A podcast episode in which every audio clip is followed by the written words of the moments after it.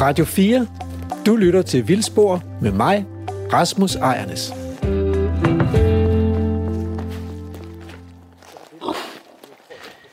Det der, det er lyden af noget forbudt. Det er lyden af vildsvin, der, der roder i jorden.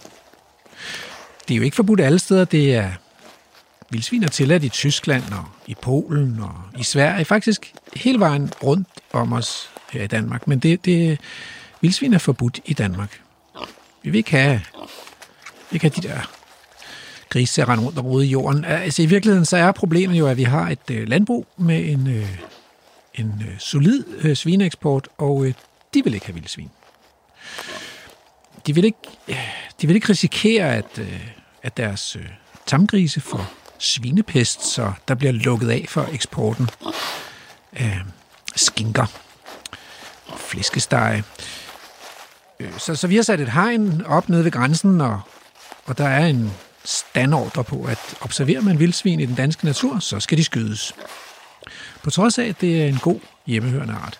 Man kunne gå så vidt som til at sige, at, øh, at det er konkurrenceforvridende, at de andre, vores andre EU-nabolande, de skal leve med vildsvin, mens at øh, det danske landbrugserhverv kan slippe for dem. Nå, men det er ikke det, vi skal tale om i dag. Altså, øh, grise, sådan nogle grise der, de, øh, de råder i jorden, de, øh, de æder alt. Undtagen skrabber, skulle jeg hilse at sige, hjemme for det der økologiske landbrug, som, som jeg er med til at drive. Det er det eneste, de ikke gider at æde. Så, så æder de også øh, de svampe og snegle, og hvad de nu kan finde. Øh, og de skulle være særlig glade for trøfler. Sådan nogle svampe, der lever nede i jorden. Jeg hedder Rasmus. Jeg er forsker. Jeg forsker i biodiversitet på Aarhus Universitet. Og øh, det er ikke sådan et sted, man laver damer. Øh, det kan jeg lige så godt sige. Der er ikke så mange kvinder i forskningen. Øh, så tænker jeg, så kunne jeg jo blive radiovært i stedet for. Øh, og nu siger min producer fuldstændig forkert ud i hovedet. Så, øh, så det er selvfølgelig ikke det, der er historien. Historien er, at øh, Radio 4 taler med Danmark. Og her øh, på Vildspor, der, øh, der taler vi så med en endnu større del af Danmark. Vi giver faktisk naturen en stemme. Der er kendt mere end 35.000 arter fra, fra den danske natur, som, som ikke er mennesker, alle mulige andre arter. Og vi giver dem en stemme. I dag skal programmet handle om trøfler. Trøfler er svampe, og vi skal i skoven for at lede efter dem. Vi har allieret med Danmarks førende svampeekspert Thomas Læsø. En af verdensførende for øvrigt, og han vil tage os med på trøffeljagt. Og bagefter så kommer han ind i studiet og gør os klogere på svampe og trøfler i særdeleshed. Så derfor er programmet Vildspors fænomenale feltreporter øh, Lærke Gleup og Emil Brandtoft taget ud i Aarhus-skovene med Thomas Læsø for at se, om der skulle gemme sig en enkelt trøffel i novembermørket. Det er mig, der er Rasmus Ejernes, og lige nu er Lærke Gleup Hansen og Emil Brandtoft fra Vildspor på reportage. Vi står nu herude ved Moskov Museum syd for Aarhus. Emil Skorgård Brandtoft og jeg, Lærke Sofie Gleup, er taget øh, på tur. Vi skal på svampetur med øh, en af Danmarks bedste mykologer, altså svampekender efter øh, Rasmus' egen mening. Og det er Thomas Læsø, og han står lige her ved siden af mig. Goddag, Thomas. Goddag, goddag. Dejligt, du vil tage os med ud og, øh, og kigge lidt på svampene herude i skovene ved Moskov. Ja, det er en ren fornøjelse nu, hvor regnen er holdt op, så det kan vi jo kun glæde os til. Selvom vi jo selvfølgelig er sent ude. Det meste er jo over, kan man sige. Det, det mest spektakulære i sæsonen er over, men der er stadig masser af svampe at finde derude. Og noget af det, vi blandt andet vil øh, forsøge at kigge efter i dag, selvom at øh, svampesæsonen er ved at gå på held, det er trøflerne, som jo er en, øh, en, en stor delikatesse og øh, en ret dyr øh, fødevare.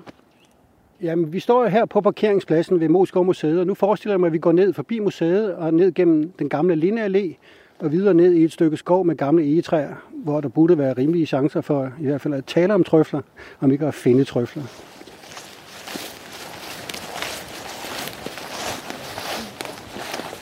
Nu laver vi et skrab her tæt på, på vejkanten faktisk, hvor der ikke er så meget blad, bladlag på jorden, og hvor man må forvente, at jorden har været relativt bagt. Så fjerner man lige så stille overfladen, altså alt det nedfaldende blade og småkviste. Og hvad er det helt præcis, vi kigger efter her på, øh, på overfladen? Det er, at der skulle ligge nogle trøfler helt op på overfladen, for det kan de sagtens gøre. Men så river man let i, i overfladen Og se, om der er noget, der dukker op. Og som sagt, det forventer jeg for så vidt ikke, men da det jo lykkedes mig før på samme sted her, så kunne det jo være. Det er en almindelig håndrive, sådan en håndkultivator, men man kan også bruge en løverive, altså, men altså sådan noget håndværktøj. Nogle sværger til løveriven, jeg sværger til en lidt en kultivatoragtig ting, fordi den, den går dybere, øh, mens andre foretrækker kun ikke at gå dybt, men nogle af de trøfler, jeg gerne vil finde, det er nogle hjortetrøfler, de ligger dybt, så jeg, så jeg føler, at jeg er nødt til at skrabe dybt, men jeg starter med at skrabe i overfladen, og så tager jeg lige et par dybere skrab ned for at se, om der kommer noget op dernede fra. Men sommertrøflen, når den er moden, så ligger den faktisk ret, typisk ret overfladisk. Men jeg har lige været på trøffeljagt i Grækenland, og der fortalte den lokale trøffelgraver mig, han havde, han havde været ude med hund, og der havde hunden markeret for trøfler, og så gravede og gravede de, og ned i 1 meter og 10 cm dybde, der fandt de piemonteser trøfler, en hel flok af dem. 1 meter og 10 meter nede i jorden. Og det, Og det kan jeg selvfølgelig umuligt komme ned med en håndkultivator. Og det kræver, at man har som nærmest et, et, et, grave, et decideret tungt graveredskab med, og så en hund, der kan lugte dem. Fordi, hunden den kunne godt lugte dem på de der 1 meter og 10 nede. ja, han, ham gutten der havde tre forskellige hunde. og Den ene, når sæsonen var i top, hvor der virkelig var mange trøfler, så kunne den lugte trøfler på 500 meters afstand. Så de har jo en lugtesans, der er ja, måske en faktor 100 bedre end vores. Øh, Så det er, det er ret utroligt, men, men de har altså også altså en kæmpe fordel, hundene og, og ejeren af hunden, hvis han har trænet den ordentligt. Dem, du lige øh, forsøgte at skrabe frem her, hvor dybt ligger de? Jamen det kan være, som nævnt, fra, fra helt overfladisk til måske 20-25 cm nede. Og det er klart, det er meget tungt at skrave hele skovbunden igennem i 25 cm dybde, så det gør jeg selvfølgelig ikke. Jeg, jeg, jeg forsøger at følge mig frem, og der er nogen, der er fantastisk gode til at føle sig frem. Jeg ligger nok selv lidt gennemsnitligt på det punkt, men jeg kender et par stykker, de har simpelthen en 6. sans. Og det er en god ting at have, når man skal finde trøfler, fordi man kan jo ikke ja. se dem. Altså nu har vi sådan lige øh, skrabet sådan et stykke her på øh, ja, hvad er det, 40 gange 40 cm eller sådan et eller andet, og der er jo masser af der er jo masser af andet plads rundt om det her træ her. Var der, nogen grund til, var der noget, du sådan, hvor du lige tænkte, det skal være lige her? Ja, men øh, faktisk tæt på vejkanten er, er, er erfaringsmæssigt godt. Fordi der, der er mindre førne, det, der, er lidt, der er en lidt anden jord, jordtype end lidt længere nede af, af skrænten her. Men øh, der kan være trøfler begge steder.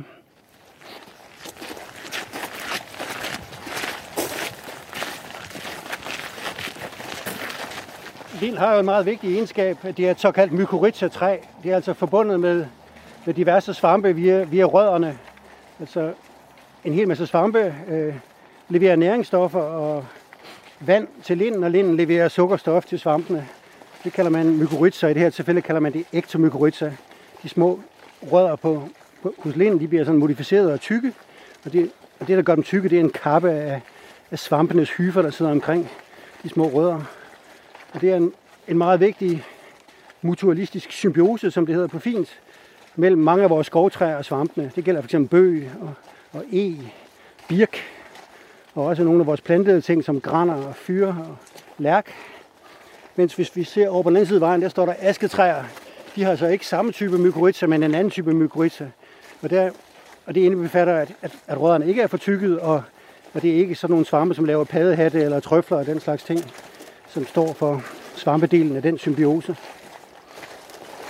Og symbiose, det er jo noget, som både træet og svampen har gavn af. Hvordan, øh, hvordan er der et samarbejde Altså egentlig? rent biologisk er en symbiose bare et tæt samliv, men det var derfor, jeg kaldte det, det er et meget fint ord, en mutualistisk symbiose. Det betyder, at forholdet er et plus-plus-forhold, at begge parter har gavn af det.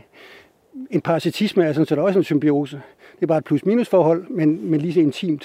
Det er bare negativt for den ene partner og positivt for den anden.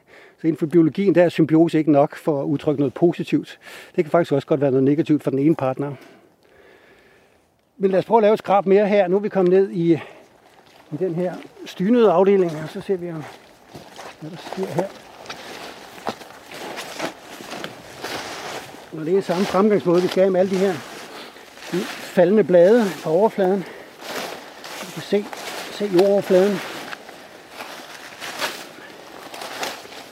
Thomas, udover at du har kultivator med, så har du jo faktisk en rigtig fin flettet svampekurv fyldt med ting. Hvad, hvad har du ellers taget med øh, på Jamen. turen i dag? Det er min værktøjskasse. Den har jeg altid med. Der, der ligger nogle æsker til, hvis jeg nu skulle finde nogle trøfler eller nogle andre svampe. Og så er der en lille sav, en foldesav.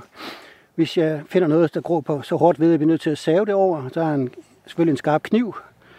Der er et lille stativ og et, et kamera, hvis jeg skal dokumentere nogle af mine fund. Ja, det er sådan cirka, hvad der er i den, udover en, en, en hue, jeg ikke har taget på, fordi det er så varmt.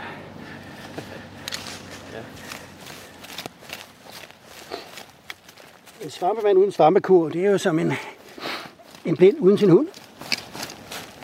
Og en fuglemand uden kikkert. For eksempel, ja.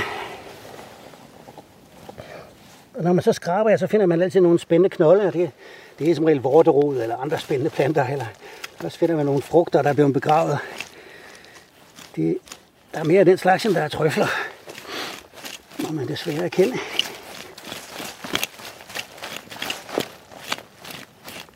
Nu er vi kommet godt langt ned i den her meget fine muld, som ganske vist er meget våd, og det gør det altså heller ikke lettere at arbejde med trøfler, når, når jorden er meget våd.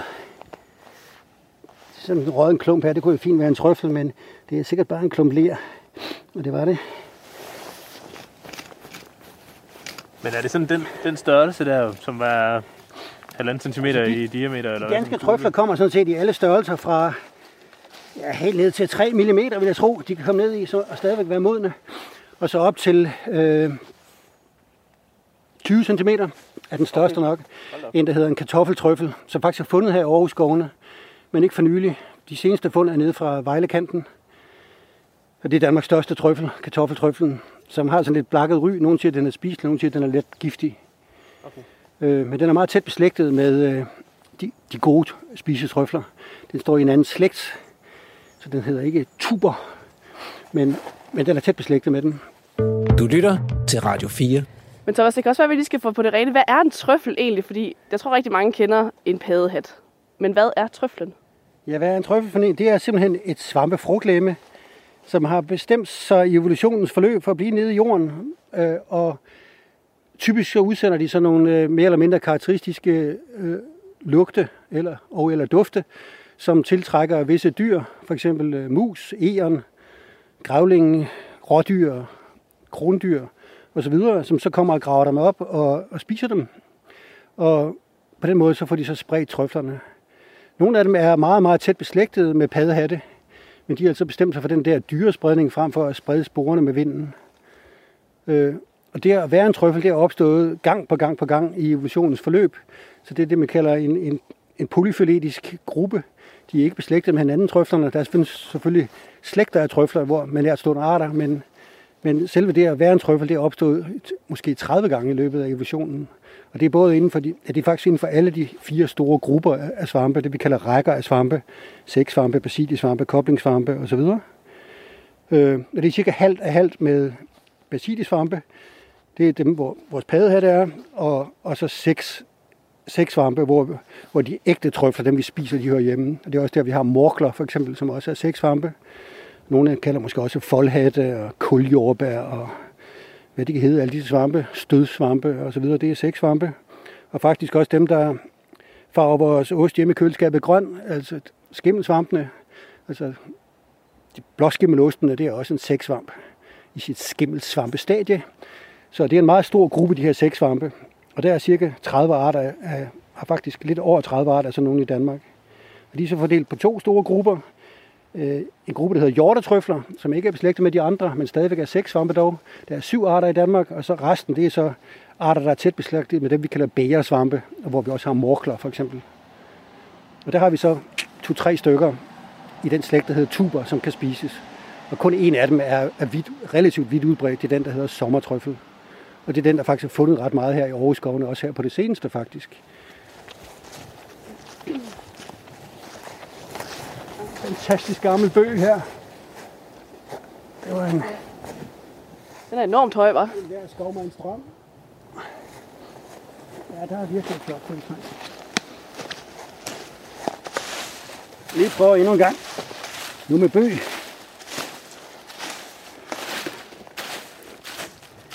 Men Thomas, det er jo tydeligt at høre, at du øh, virkelig har styr på dit øh, svampekendskab. Hvad er det egentlig, der fascinerer dig rigtig meget ved, ved den her type organisme? Øh, jeg er sådan set ikke mere fascineret af svampe som organismegruppe end alle mulige andre organismegrupper.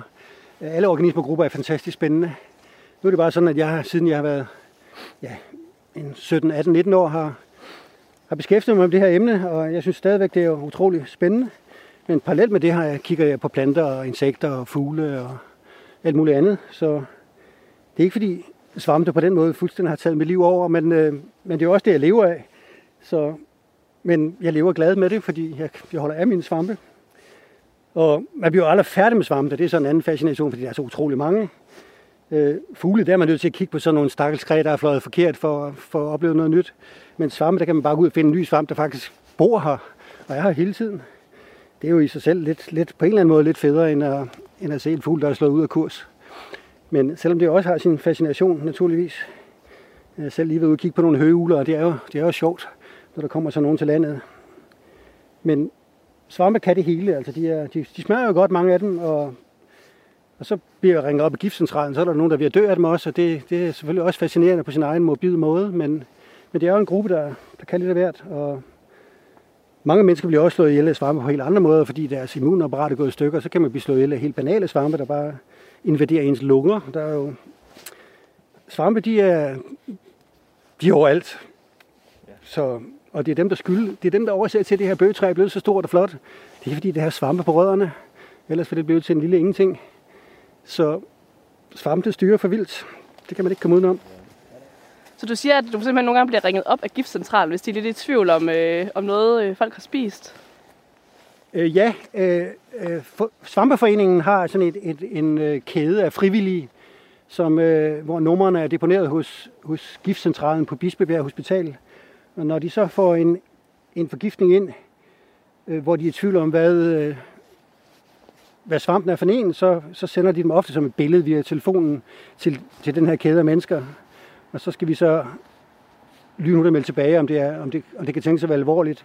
Nogle gange kommer svamp som er en taxa, hvis, de, hvis der er, findes, findes en svamp. Og andre gange, som i år, der går jeg, tager jeg selv ind på hospitalet og kigger på, på en prøve, som patienten har taget med ind. I år har der været en, desværre en, en person, som 24 timer efter vedkommende landet i Danmark, styrtede ud og samlede grøn fluesvamp. Og nu ligger hun, og ja, det kan også være, at hun er død faktisk, fordi hun, hun ligger stort set uden leverfunktion nu på, på ja, det, det er allerede 5, 6, 7 uger siden det skete, så sidst jeg hørte til det, der har hun ligget 17 dage stort set uden leverfunktion. Og det dør man ofte af. Så grøn fluesvamp skal lade være at spise. Men det fascinerer meget, øh, ikke mindst folk fra Thailand, at, at der står sådan nogle svampe derude, der ligner grøn, der, der ligner posesvampe. Og de skynder sig at samle dem og styre hjem og smide dem op i vokken. Og ja, så går det helt galt. Men dem får vi en masse henvendelser fra giftcentralen på, på, på basis af det. Jeg sidder jo med en pind i hånden, som lå ved siden af mit skrab hernede i skovbunden. Og det er faktisk en bøgepind. Og, og den, øh, hvad skal man sige, øh, falsificerer den historie om, at, at julesøer altid gror på hyld langs kysten.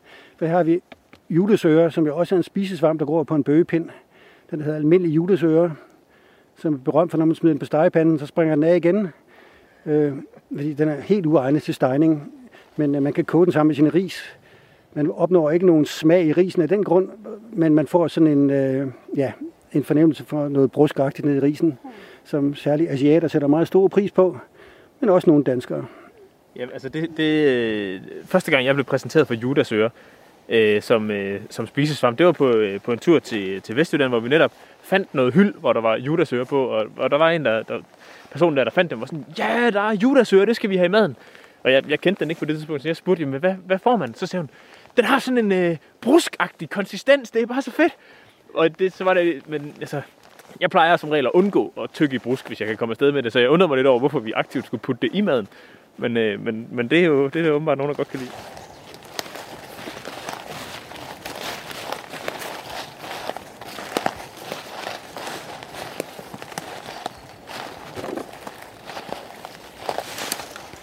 Dagens første forsøg under et egetræ.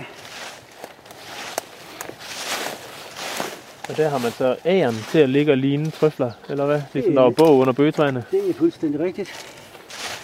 Og der kan også være æren, der er gravet ned her af skovskaderne. Og æren. Det gør det ekstra svært. Ja, som gemmer dem til deres vinterforråd. Og lige her er der også mange fine rødder, der gør det svært at komme i jorden. Jorden er ret ledet her. Og det er også et, et sted herude, hvor der er meget trompetsvamp, som holder meget af den ledede jord.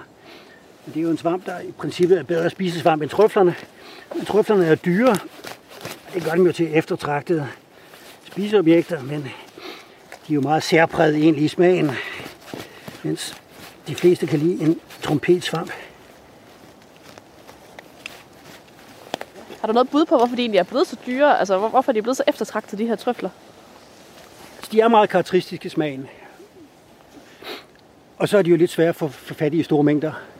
Og det er jo sådan typisk guld, det er heller ikke så let at få fat i i mange. Så det, guld, det bliver også ligesom attraktivt. Øh, og diamanter, de er også meget attraktive, de er også svære at finde i store mængder. Hvis nu du lå diamanter i alle rendestenene, så synes vi sikkert bare, at det var noget glimmer, der ikke kunne bruges til noget. Glas for eksempel, det er jo også ganske kønt, men det er jo ikke særlig dyrt.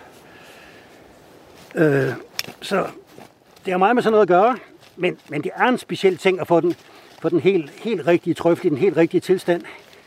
Og så og kokken kommer ind med den på båret på den rigtige måde og snitte med den rigtige kniv osv. Det er jo det er et festligt øjeblik, men, men der er også meget andet med, der, der er mindst lige så godt selvfølgelig. Men øh, her skal man altså betale ved kasse 1. Øh, og det er jo også derfor, der bliver svindlet meget med trøfler. Der bliver importeret trøfler fra, fra, fra Indien for eksempel og Kina, som ikke smager særlig meget, men nogle gange så bliver de solgt under de rigtige navne, andre gange bliver de så solgt under nogle forkerte navne. En del produkter, hvor der, siges at indgå trøffel i, det er bare noget trøffelolie, der indgår, og- de små stumper, såkaldt trøffel, der er i den, det er noget helt andet, når man mikroskoperer det. Nogle gange noget giftigt noget, nogle gange bare aktivt kul, eller andre. Julesøer har faktisk også været brugt til trøffelerstatning, så de er stadig dyre trøfler. Jeg har ikke helt styr på, hvordan markedsprisen er, svinger, men, men man har samtidig faktisk fundet ud af, at, at nogle af de her meget dyre trøfler, de er mere udbredte, end man troede. Grækenland er sådan et underligt uland, hvad angår svampe.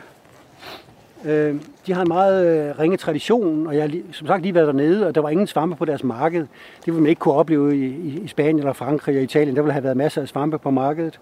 Og først inden for de sidste 10-20 år har de opdaget, at de faktisk har både piemonteser trøffel og Pirgova trøffel i Grækenland. Og nu er det faktisk kommet en lille industri ud af det. Og i Kroatien er nu er det en kæmpe industri nu med trøfler. Så, så det er ligesom spredt sig fra en lille del af Italien og en, en relativt begrænset del i Frankrig til nu at være næsten hele Middelhavet, at, at de her trøfler kan findes og også bliver markedsført. Og der er en hel del trøffelturisme også, hvor, som vi selv var på faktisk. Vi har jo bestilt en, en mand med en trøffelhund, der skulle gå på trøffeljagt med os, og, og det får han selvfølgelig penge for, så der er opstået sådan en trøffelturisme, ligesom der er fugleturisme og pattedyrsturisme og, og klosterturisme og så videre. Ja, det er jo meget interessant, at de også kan, kan tjene penge på det på den måde, at det ikke kun er selve salget af, af den fysiske trøffel, men at der er en hel industri omkring det. Det, det, der Det er godt for de øh, relativt fattige lokale samfund øh, ude i det rurale Grækenland, fordi det er jo ikke der, hvor pengene flyder, flyder mest, så det, det, er, en, det er en glimrende ting. Øh, og de har vidderligt meget, mange trøfler i Grækenland, fordi Grækenland er ekstremt kalkrigt, og sådan nogle kalkrige jorder, Øh, det er super for trøfler. Og så har de E, E, E, E ud over det hele, og, men de har også bøg og, og, og edelgræn og så videre, og så videre. Så der er gode betingelser for at finde en masse spændende trøfler i Grækenland.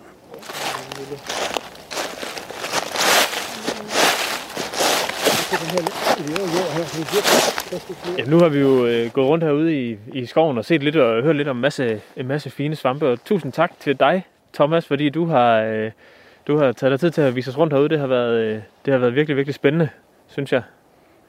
Det har været skønt, ja. Og vejret har holdt tørt. Det har også været dejligt. Ja, ja helt sikkert. Øh, det er faktisk ikke det sidste, I kommer til at høre til Maja Lærke i det her, øh, øh, i det her program, fordi vi har lavet en øh, rapportage mere, som vi kan høre mere til lidt senere. Og øh, Thomas, du er jo- sidder jo virkelig faktisk inde i studiet lige nu, øh, så vi er heller ikke helt færdige med dig. Rasmus han har besøg af dig derinde. Øh, vi skal også have fundet en, øh, en lille ting, som vi skal have med tilbage til Rasmus, så det synes jeg lige, vi skal gå på jagt efter. Du lytter til Vildspor med mig, Rasmus Ejernes. Så er vi tilbage i studiet, og øh, med mig her i studiet, der har jeg Thomas Læsø. Tak for det. Lige øh, indkommen fra novembermørket øh, og trøffeljagten. Fandt I noget? Vi fandt noget, men ingen trøfler. Okay. Thomas, du, øh, så har der ikke været nogen, fordi øh, øh, nu har jeg kendt dig i nogle år, og, øh, og det er øh, afsindigt, hvad du kan finde, øh, hvis man slipper dig løs ude i den danske natur. Øh, for eksempel øh, har vi jo sammen arbejdet i projektet BioWide i fire år, fra 2014 til 18, og i de første to år, der, der gennemtrålede du øh, 130 prøveflader på 40 gange 40 meter, og det er jo ikke rasende meget plads, og alligevel lykkedes der det der på de to år at finde jeg tror, over ny, 100 nye svampearter fra Danmark, som ikke var observeret før i Danmark. Og øh, det kræver jo, øh, det kræver, at man kan sit kram.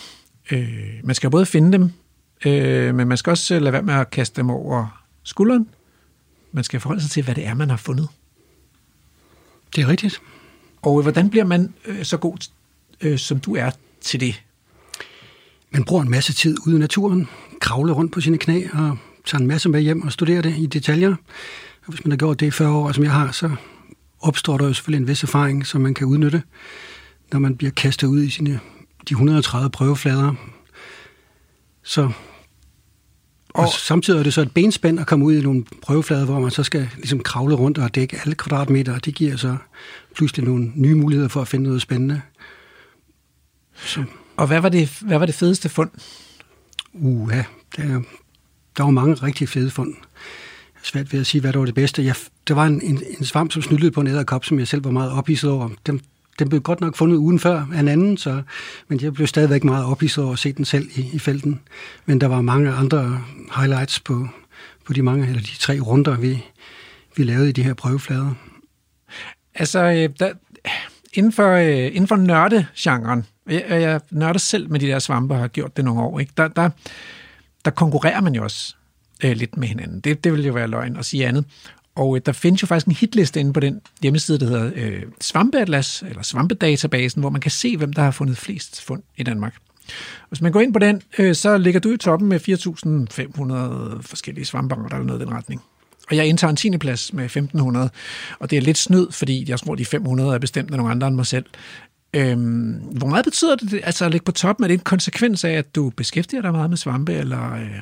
Ja, det er det naturligvis. Øh, jeg lever jo af det, øh, så det er jo ikke, det er jo ikke så underligt, at jeg, jeg ligger langt oppe, men, men samtidig så, så holder jeg også af, af det, så jeg tager jo også ud i min fritid og, og nørder med svampene, det må jeg jo indrømme, og ikke, ikke bare i Danmark, men, men i det her tilfælde er det jo så de danske arter, man kan læse om inde på Svampeatlas. Mm.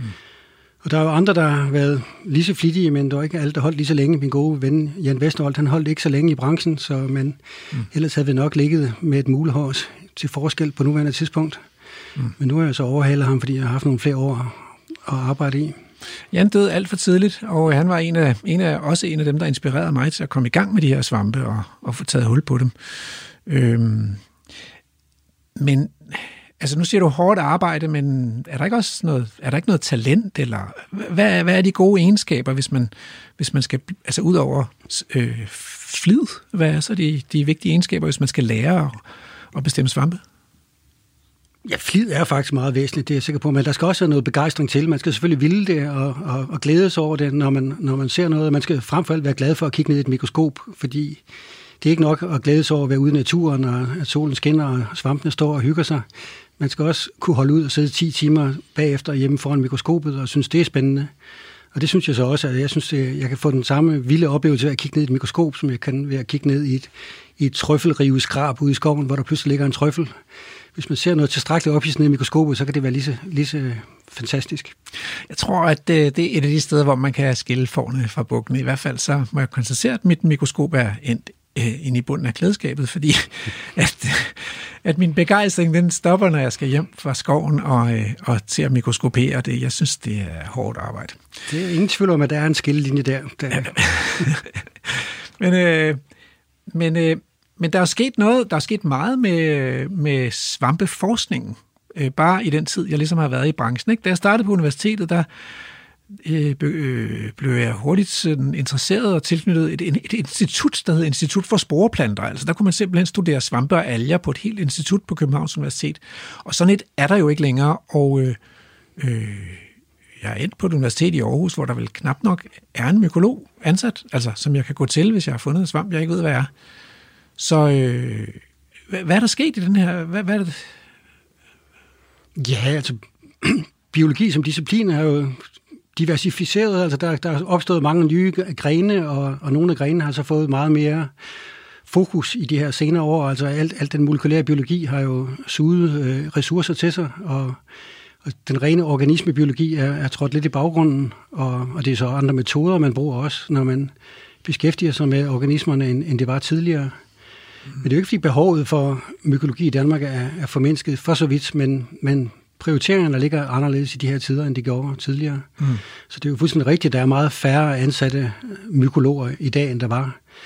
Øh, men de sidder jo mange forskellige steder, øh, mykologerne, for der er jo også folk, der beskæftiger sig med skimmelsvampe på Danmarks Tekniske Universitet, og der er sågar læger, der beskæftiger sig med svampe, der går på mennesker og, mm. og så videre. Det er, en, det er en bredt spektrum, og nogen beskæftiger sig med, med, med de giftpåvirkninger, svampe kan give folk på, på, på giftcentralen, og der, der er mange mm. aspekter af mykologien, men, men der er nok øh, over, overordnet set kommet færre øh, hænder i, inden for mykologien de senere 10-15 år. Og når du siger øh, organismebiologien, så er det jo ikke kun svampe, det vil også være eksperter i biller, eller i æderkopper, eller i mosser, eller i planter for den sags skyld, at, at der er blevet færre af dem inde på universiteterne. De, så vil der være, er der måske kommet et lidt et nyt marked ude nogle steder i kommunerne, hvor man er blevet mere opmærksom på at skulle bevare naturen og biodiversiteten. Der er kommet en del kommunale biologer derude selvfølgelig, men altså de, de sidder jo meget isoleret, og, og det, det er svært at opnå mm. det miljø, som for eksempel der var på sporeplanterne i sin tid, mm. hvor der var flere mykologer samlet et sted. Det giver altså en anden form for miljø og, og inspiration til hinanden, end, end det hele er fragmenteret i enkelte personer. Men nu, øh, jeg har faktisk øh, noget med her. Øh, øjeblik. Se, hernede, der har jeg taget en, øh, en bog med, den hedder Nordeuropas svampe. Og jeg har kun taget det ene bind med, fordi de er simpelthen så tunge. Og det er det bind med de, de mærkelige svampe, kan man godt sige, dem der ikke alle sammen har en hat og en stok og lameller og rør og sådan noget. køllesvampe og bæresvampe og sådan noget. Nordeuropas svampe. Thomas Læsø og Jens H. Petersen står der på den. Ja, jeg må indrømme, at jeg kender godt til værket. Ja, det er det. Hvor lang tid tager det at lave sådan en, øh, et kæmpe værk her? Jamen, så selve produktionen, det er jo nok en fire år eller sådan noget i den stil. Altså skrive teksten og layouten og få den gennem forlagsmaskinen og så videre. Men, altså, men, men det, der ligger bag, og mange af billederne er jo ældre end det, så det, så det er jo sådan set taget hele livet at, at nå frem til at skrive sådan et værk. Det er jo fuldstændig enestående, altså. Bind 2 står der her, omfatter ca. 1.500 arter af svampe, uden lameller og rør. Øh, fordelt på 770 slægter og 44 formgrupper. Og det er jo sådan set så enestående et værk, og også lidt nyskabende, at, at det også er blevet oversat ikke, til, til engelsk og bliver udgivet andre steder end lige i Danmark. Det udkom samtidig på engelsk og dansk, og nu er det under oversættelse til fransk, og, og formodentlig også inden for kort tid til tysk, og muligvis også til andre, andre sprog. Og I er jo ikke øh, nogle års øh, unger længere, eller hvad man nu skal sige. Øh, Nej, skægget, har, skægget er blevet hvidt. Ja, øh, så uddør øh, mykologien i Danmark så med med, med, med dig og Jens, eller er der, er der håb for, at, øh, at der er et vækstlag? Økologien uddør helt sikkert ikke, men, men det er klart, at, at, at det der større miljø på universiteterne, det, det er jo i fare for at helt at uddø. Der er jo stadigvæk et, nogle små miljøfragmenter tilbage, og de ud, der, der bliver uddannet nye studerende, og en del af de studerende har sammen med rene amatører slået sig sammen i sådan en ung mykologisk liga eller ung mykologisk klub, MUK kaldet, og de, de, de viser vejen frem, og vi er meget begejstrede for den entusiasme, der ligger i den gruppe, så vi håber sådan set snart, at, at vi kan trække os tilbage i god ro og orden og lade mukkerne overtage verden. Mukke, mukke overtager verden. Det er et udmærket billede. Øh, der er jo også nogle positive ting, synes jeg, i tiden. Altså, for eksempel er der jo en helt ny mulighed for at dele øh, fund med hinanden. Øh, vi har fået øh, digitalkamera, og hvis ikke man lige har fået det med, så har man det i sin mobiltelefon. Man kan lynhurtigt uploade billeder til deling på for eksempel den her øh, Svampe Atlas hjemmeside, og komme i kontakt med mennesker, der bor et andet sted i Danmark eller i Europa, og som ved mere om svampe, end man selv gør. Så den der, øh, det, det er vel også en mulighed for, at der kan, man kan hurtigere lære noget og komme i kontakt med nogen, der har noget viden. Øh. Det er 100% sikkert, at det er rigtigt, og, og, og hele verden hænger jo meget bedre sammen i dag på grund af de digitale muligheder. Og men det er jo stadigvæk et eller andet sted, hvor, hvor den tunge lærdom skal bankes ind i, i de unge folk, så de kan selv gå ud og beskrive nye arter og den slags ting. Og det, det, er, det er svært at lære ved, ved at være aktiv på Facebook og, og den slags. Det, det, det er alligevel no, lidt tungere. Men, men det er fantastisk med, med nogle af de forer, der kører. Og også vores eget projekt, Svampeatlas, det har jo skabt en enorm interesse for, for svampene, og, og der er ingen tvivl om, at det, det er meget inspirerende, også for mange unge mennesker, at, at det kan køre på sådan nogle platforme frem for på den gammeldags øh, bogfasong. Altså i SoMe-verden, der siger man jo sådan lidt, at man skaber sin egen verden, men det, det mener du ikke, det, den går ikke an, hvis man vil være en dygtig svampe-ekspert? Der, der er nogle øh, grunddiscipliner, man skal lære. Ligesom når man skal lære et nyt sprog, så kan man jo ikke bare opfinde sit eget sprog, og så mene, at andre forstår det. Man er nødt til at, at tale et fælles sprog, og, og mykologien har selvfølgelig sit, sit sprog, ligesom botanikken og zoologien har det, så, så er der alligevel noget, man skal have lært. Og, men der findes jo nogle fantastiske bøger, og så er problemet bare, at, at unge mennesker faktisk ikke læser bøger i dag. Mm. Men, men så er der jo altså alligevel så, så gode ressourcer på nettet, at man jo næsten kan snyde sig til det at lære det der, men, mm. men det er ikke... Det, det vil stadigvæk være nyttigt, hvis folk ligesom tog en tekstbog op og, og tyder den igennem. Det vil, det vil uh, hjælpe mange i at, i at forstå det grundlæggende. Så kommer uh, det, det gode spørgsmål. Hvem har tæsket denne viden ind i dig? Ja, øh, det er jo et godt spørgsmål, fordi det var ikke fordi, altså selv i min studietid var der jo ikke mange, mange fag, man kunne tage i, i, i mykologi. Jeg startede jo med at læse her i, i Aarhus, og, og det havde vi, øh, på mit studie havde jeg så ud af 24 point på min overbygning, der havde jeg så et point i mykologi, for det, det var hvad der var, der blev udbudt. Mm. Og, men det var et tungt øh, point, fordi det var en lærebog, der var flere tommer tyk, og vi skulle igennem hele lærebogen, og vi havde en stor eksamen, så, så det var jo selvfølgelig... Det var, det var vigtig basal viden. Men så var der jo nogle amatører, der holdt til her i Aarhus. Der var en gammel pensioneret øh, lærer, der hed Karin Toft, som, som vi virkelig var min mentor, og, og som jeg lærte en, en masse af. Og det var så hende, der bragte mig i kontakt med universitetsverdenen, altså ud over den, der var her i Aarhus, nemlig det lidt større miljø, der fandtes i København på det tidspunkt. For her i Aarhus var der kun en lærer, der var ligesom ansat på timebasis til at undervise i mykologien, men mm. i København, som vi allerede har nævnt, der var der jo et helt hus med sporeplanter, hvor der sad en 4-5 mykologer og arbejdede med svampe. Mm. Og der blev jeg så bragt i kontakt med Henning Knudsen, som sad på Botanisk Museum, som, og han var sådan meget tæt tilknyttet denne, det, det institut for sporeplanter, som jo lå på væk fra museet, men, men de, de delte næsten lokaler med hinanden, så, der var, så jeg blev en del af det, det fælles miljø mellem museet og, mm. og instituttet. Så det er et godt sted at vokse op. Øhm, men, men du har ikke kun kigget øh, svampe i Danmark. Du har faktisk også kigget svampe ud i verden, og det er vel også en af de der måder, man kan få en lidt dybere forståelse af, hvad svampe er for noget, og hvordan det hænger sammen øh, i evolutionen, og hvordan svampen er beslægtet med hinanden og sådan noget. Hvor, hvor er det egentlig sjovest at kigge svampe hen?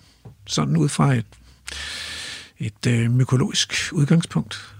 Det er faktisk sjovt overalt, det vil jeg påstå, men, men altså for mig har det jo været en enorm øjenåbende ting at arbejde i trupperne, og vi havde en, en, en en, en selvarrangeret studentertur til Sri Lanka, da jeg, var, da jeg læste her i Aarhus, og det var ligesom min første sådan, tunge oplevelse med tropperne, udover at jeg havde rejst i tropperne med mine forældre. Øh, og det var så fuglene, der trak på det tidspunkt, men lige så snart jeg så øh, ja, faktisk havde meldt mig på Aarhus Universitet, så var det svampene, der, der tog over, og så endte jeg også med at beslutte mig for at lave mit, mit svampespeciale i, i tropperne, og det blev så i Ecuador, hvor Aarhus Universitet jo havde en, en kraftig tilstedeværelse i de år, der i slut 70'erne og hele, hele 80'erne. Så jeg rejste i Ecuador i, i ni måneder cirka for at samle materiale ind til mit speciale. Mm. Mm. Og det var lykkeligt. Det var meget, meget spændende og berigende. Se, nu er jeg rigtig glad for, at øh, jeg har dig, fordi jeg har en lille ting mere med her. Øjeblik. Altså, fordi øh, jeg faktisk fundet tre svampe her de sidste par uger, som jeg ikke kan bestemme. Så det ene det er en hussvamp, og det andet det er en traktat, og det sidste det er en rødblad. Og det er jo ikke, det er jo ikke de nemmeste svampe, så altså, kan jeg lokke dem til, øh, måske dig til at kigge på dem? Eller? Man kan altid forsøge, Rasmus. Ja. Øh, jeg sige, traktaten, det kan jo godt være, at jeg kommer til at tabe skraldespanden, men, men de to... Jeg er faktisk ikke engang sikker på, helt sikker på, at det er en traktat. Men, men, de to andre kan jeg da love, at jeg give et ærligt forsøg, men ja. det kan også godt være, at jeg vil forsøge med traktaten. Men der findes en, en dansker, som er bedre til traktat end mig, og så det kan være, at den ender i hans, ja. hans mailbox. Ja. Altså, øhm, hvor, hvor, mange, hvor meget sådan noget post får du? Altså, dengang Atlas-projektet var på sit højeste, det fik jeg en, en 5-10 breve om dagen, og nogle af dem indeholdt måske 50 prøver, og andre bare en enkelt. Men som det er nu, så får jeg et til to breve om dagen. Så det håber sig alligevel op, fordi jeg har andre forpligtelser, end, end at sidde og bestemme de svampe, der, der kommer i, i min postkasse. Mm. Men, men det fylder stadigvæk meget at, at, at sidde og bestemme andre menneskers fund end mine egne. Jeg kan godt sige dig, det er lidt ligesom juleaften, når man kan se, at der er kommet en ny bestemmelse af en af de svampe, man har fundet. Det er øh, vidunderligt, så det er jeg meget taknemmelig for. Sådan tror jeg, der, der er mange, der har det. Du lytter til Radio 4. Du lytter til Vildspor. Jeg hedder Rasmus Ejnes, og med mig i studiet har jeg Thomas Læsø, forsker og øh, ekspert i svampe. Og vi skal nu dykke lidt mere ned i det her med svampene. Og øh, vi skal ned i trøflerne. Og noget af det, jeg husker tydeligst med trøfler, øh, ud over min egen forgæves forsøg på at finde dem, øh, det var øh, i den her Facebook-gruppe, der hedder Svampeliv, som har øh, knap 20.000 medlemmer. Der øh, en dag for et par år siden, så dukkede, dukkede der en ny svampefinder op i gruppen, øh, Dorte Aalborg, som øh, fremviste meget overdådige billeder af store sorte trøfler, øh, umiskendelige sommertrøfler, som hun påstod, hun gik og fandt i sin lokale skov op ved Mariager. Det vagte temmelig meget opsigt, fordi det er ikke så nemt at finde sommertrøffel. Det er ikke en almindelig art, eller det er det, er det måske, men det, det er ikke almindeligt, at den bliver fundet øh, i Danmark. Og, øh, og hun påstod altså, at hun fandt øh, ganske store sommertrøfler og ganske mange sommertrøfler.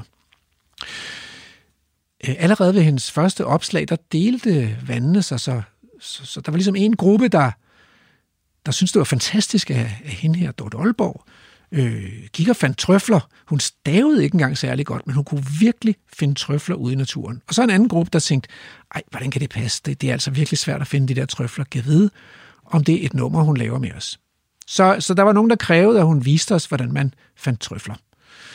Så tog hun os ud og lavede en lille film ude i skoven, øh, hvor hun skulle vise, hvordan hun fandt trøfler. Problemet var, at i den her film, der får hun puttet en trøffel ned i jorden, som hun så finder bagefter. Det kan man jo se. Så det fik jo bestyrket alle skeptikerne i, at hun var en fupmager, øh, mens hun stadigvæk havde tilhængere, der forsvarede hende. Drama fra første minut. Øh, så blev hun smidt ud af Facebook-gruppen, fordi hun blev taget i at snyde med den her lille film. Men, øh, men så var der alligevel nogen, der tænkte, ah, det er nu alligevel sært, fordi man har ikke bare en bunke sommertrøfler liggende hjemme på køkkenbordet, så måske er der alligevel noget om sagen.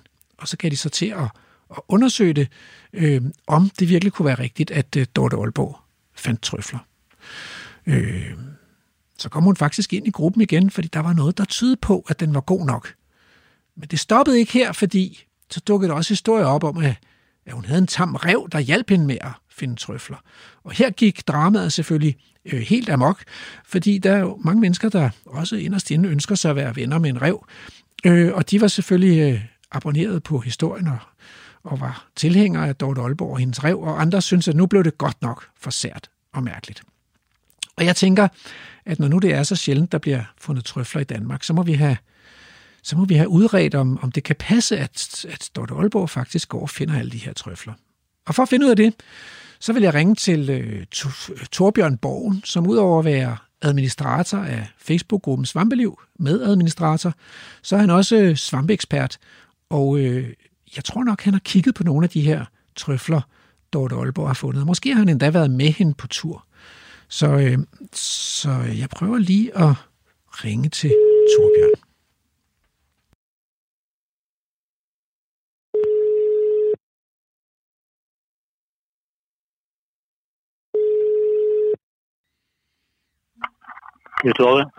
Ja, goddag. Det er Rasmus Ejernes fra øh, Radio 4 Vildspor.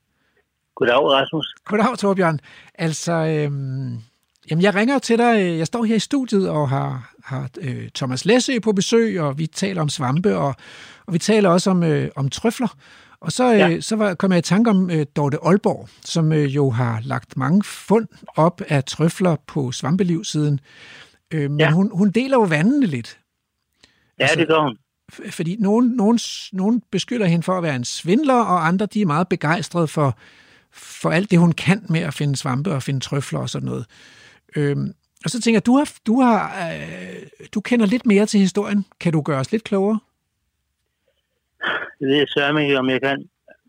Øh, jeg, har været på, jeg har været på tur med, med Dorte en gang. Ja. Og øh, jeg er helt, altså, jeg er helt overbevist om, at hun kan noget. Så I tog altså, simpelthen ud for at prøve at se, om I kunne finde nogle trøfler derude? Nej, ja, nej, vi tog ud et sted, hvor hun havde fundet en sommertrøffel. Ja. Det vil sige, der var ikke sommertrøfler fremme, men hun viste mig hullet, hvor vi gravede lidt, og så var der sådan en, en hulning inde, hvor, hvor hun har fundet en stor, et stort eksemplar. Ja, ja. Og øh, så tog vi bagefter ud i en, øh, en, en banal pyntegrønplantage, hvor det væltede med, med, med, øh, med, med tuber, hvad hedder det nu, øjeblik Tuberdiofilum, som, er en, som gik for at være en ekstrem sjælden art. En sådan en, ædel, en ædelløvskovsart. Men øh, sådan, sådan, et, sådan et fund der, altså, dels tyder at hendes, øh, hendes fund af sommerskrifter på, at i hvert fald, at nordgrænsen for, for trøfler i Danmark, den skal i hvert fald kraftigt justeres, revideres. For man har tidligere ja. Ja. mest fundet sommertrøfler i det sydlige, sydlige og østlige Ja. Danmark. Ja, ja. Ja, og det, det er jo også erfaringerne fra, fra Sverige og Norge, i hvert fald fra Sverige. Jeg ved ikke, om, om man har sommertrøfler i Norge, faktisk. Mm. Det har man faktisk ikke. Nej, Ja, Thomas han er med her, så øh, vi kan øh, tale sammen alle sammen. Men slutter historien så her altså, fordi øh, øh, er der ikke noget med, at hun har fundet, hun har fundet de her to øh, trøffelarter, ikke? Øh, Dryophyllum og, og sommertrøffel. ja, og så, så har hun også fundet den, der hedder um, tuber mesentericum, som er, som er, øh, det var anden gangs fund på Danmark. Ja. Og der findes jo mange trøffelarter i Danmark, men alle de her tre arter, de, de kommer fra den slægt der, som hedder tuber, som er den, ja. den, den rigtige trøffelslægt. Er det ja. ikke sådan, jeg skal forstå? Jo. Og, øh, og der er ikke mange, der har fundet de her trøfler, som hun har fundet før i Danmark. Nej, altså det her åbenbart, øh, det her åbenbart ligger ret stille interessen. Jeg ved, altså, vi har jo Tobias Bøllingshoft, som har haft stor succes med at finde dem. Ja. Og, og, og jeg ved jo selvfølgelig, at Thomas har arbejdet meget med dem. Ikke mindst, når han har haft hund på besøg. Når han har haft hund på besøg. Kom det der. Det må vi lige ind på. Ja. Øh, hvad hedder det? øh, Hvordan, hvordan gør hun, Dorte Aalborg? Har du en fornemmelse af det? Altså, det er jo ikke så nemt. Altså, jeg har prøvet mange gange, og jeg har sjældent fundet noget, der var større end et knappenålshoved. Jeg snakkede faktisk med hende her i, her i formiddags, fordi, I skal, fordi jeg skulle i kontakt med jer. Ja. Altså, da, da jeg var med hende, der sagde hun, at man skulle gå helt ind til, altså, til, til mellem rødderne på E og Bø. Og øh, der skulle man så lade være med, så skulle man grave der, hvor der Ja. ikke var musegangen. Altså, øh, hvor, hvor der ikke er mus, som har, fordi de spiser simpelthen trøflerne. Ja, Mm. Men, øh, men jeg kan sige, det forstår jeg stadigvæk ikke helt, fordi øh, at musene, der er musegang, det tyder netop på at have trøfler. Så det kan vi sige, det kan, det kan vendes begge veje. Ja, det kan man sige. Men har hun en sjette sans, eller har hun bare brugt Jeg utrolig tror, meget hun, tid jeg på tror, det? hun har en sjette sans. Okay. Spændende. Øh, selvom altså, hun, hun, har, hun har ikke nogen, hun har ikke nogen egentlig baggrund for det her, men altså, hun kan, hun kan noget, hun kan finde tingene. Det Ja, for det var mit næste spørgsmål, altså, hvordan er hun nogensinde kommet på at give sig til at rode i jorden? ja, det ved jeg ikke. Nej. Nå, det kan være, vi skal se, om vi kan få fat på hende en dag. Hvad med den rev der? Har du mødt, har du mødt en rev derop? Nej, jeg har ikke mødt en rev op. Og du kender historien. Jamen altså, det er jo noget af det, der også har skabt drama på, på Svampeliv Jamen, jeg, jeg ved det. Ja. Ja. ja. der er jo flere, Øh. flere tråde, hvor I har simpelthen har været nødt til at slukke for kommentarer, fordi Ja. de gik i alle retninger. Jamen altså, det er jo... Altså, det bliver så polariseret. Enten tror folk på, at, at hun faktisk har en opfostrende rev og har den til at hjælpe sig, eller også med, afviser man som, som, som galmandssnak. Ja. Og Det er i hvert fald- det, det, det, det kommer vi aldrig udenom. Altså, det, sådan, sådan vil det være. Altså, hvis, hvis folk de ikke... Det, ja, folk, øh, nogle folk tror, at noget usandsynligt, det slet ikke kan ske, og så reagerer man ikke. Andre grunde er det mu- muligvis inden for kommende erfaringer. Så vi ved det faktisk ikke. Vi ved jo, at hunde kan finde trøfler, og, og grise kan også, men at de er svære ja. Ja. at dressere. Men vi, Ja. ved, vi ved ikke så meget om revenes potentiale som trøffel finder Nej, det gør vi ikke. endnu. Nej. Nå, men øh, det er meget spændende. Tak skal du have, øh, Torbjørn. Ja, selv tak. Du lytter til Vildspor med mig, Rasmus Ejernes. Okay, den er, den er simpelthen god. Dorte Aalborg finder trøfler op ved Maja, og hun er god til det. Det tror jeg på. Øh, og på en skala fra 1 til 10, hvor svært er det? Jamen, det er en, øh, sikkert en 7-8-9 stykker. Det, det er virkelig lidt svært. Øh, der kan godt være pænt mange trøfler, men der er utrolig meget mere jord, øh, så det, det er altså svært at, at finde dem, fordi de er usynlige. Ja. Øh, der er nogle enkelte mennesker, der, der, kan, der, kan, der kan simpelthen dufte dem, ligesom de dyr, der, skal, der, der officielt skal finde dem, det, det er jo meningen, de skal graves op. Det er jo det, det, de ligesom er skabt til trøflerne, det er, at de skal graves op af, af dyr, der kan lugte dem, og så skal dyret så på en eller anden måde få spredt det lidt ud i landskabet, så svampen har en chance for at blive spredt. Mm. Og der er enkelte individer, der faktisk kan lugte dem, og så er der nogen, der kan spotte nogle fluer, der hænger og danser hen over dem, eller på anden vis øh, ligesom kan føle, hvor de er. Andre har bare lært at læse landskabet. Og Dorte har til synligheden fundet en eller anden niche, hvor, hvor hun, hun kan læse landskabet og, og finde dem. Mm. Men hvis man ser, hvor hundene graver dem op, så er det ikke nødvendigvis der, hvor hun finder dem. Mm. Så, så de findes andre steder, end hvor Dorte finder dem. Men Dorte har fundet en fidus til at finde dem, og det, og det virker for hende. Mm. Så det må man bare tage hatten af for. Ja, det må man simpelthen tage hatten af. Jeg har prøvet mange gange, og øh, jeg vil sige, at de, de største trøfler har jeg fundet ved et totalt tilfælde. Og nogle gange ved, at der er andre dyr, der har gravet dem op, og så ligger de ligesom oven på jorden. Og den, det, det værste trøffelfund, jeg kan huske, det var, at jeg fandt en stinktrøffel, og så tænkte jeg, at jeg ville have den med ind på museet og have en til at kigge på den. Så jeg skulle egentlig bare have den til at ligge i køleskabet natten over. Og så puttede jeg den ned i et syltetøjsglas og skruede låget på og lagde den i køleskabet.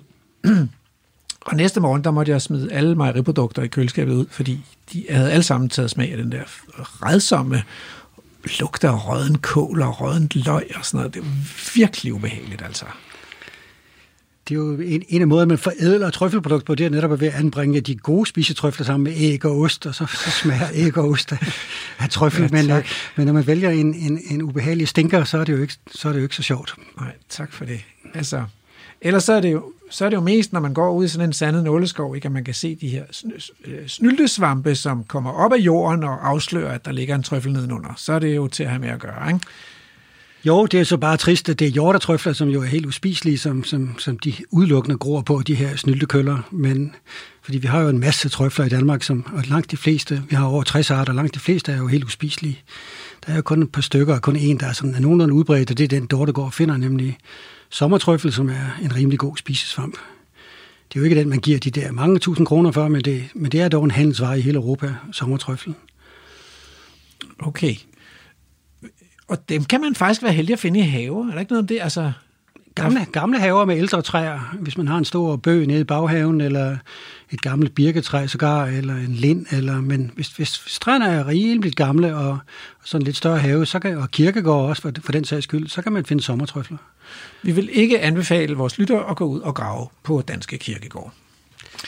Disclaimer. Det, det er der jo nogen, der gør, øh, okay. men de, de har jo så de får altså penge for det, men, men, men andre mennesker skal jo ikke gå og grave på kirkegårdene. Måske krat lidt i jorden, men man skal passe på, at man ikke bliver misforstået. Det skal man. Ja. Altså, de, de er spiselige, de her svampe. Der må være, altså i syden, der kan, er der vel sådan ligesom kamp om, om de gode steder og sådan noget. Kan vi risikere, at der, at der bliver kamp om trøffelstederne i Danmark?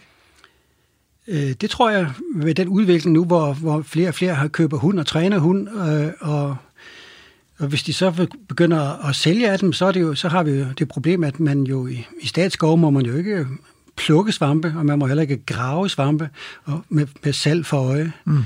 Vi har muligvis en lovgivning i Danmark, hvor det ikke står specifikt, at man ikke må grave trøfler op i statsskov, men i mange af vores nabolande, der må man faktisk ikke grave jorden på den måde lovligt. Mm. Heller ikke i statsskov, men, men det tror jeg godt, man må i Danmark. Der er i hvert fald, jeg har aldrig hørt, at man ikke må.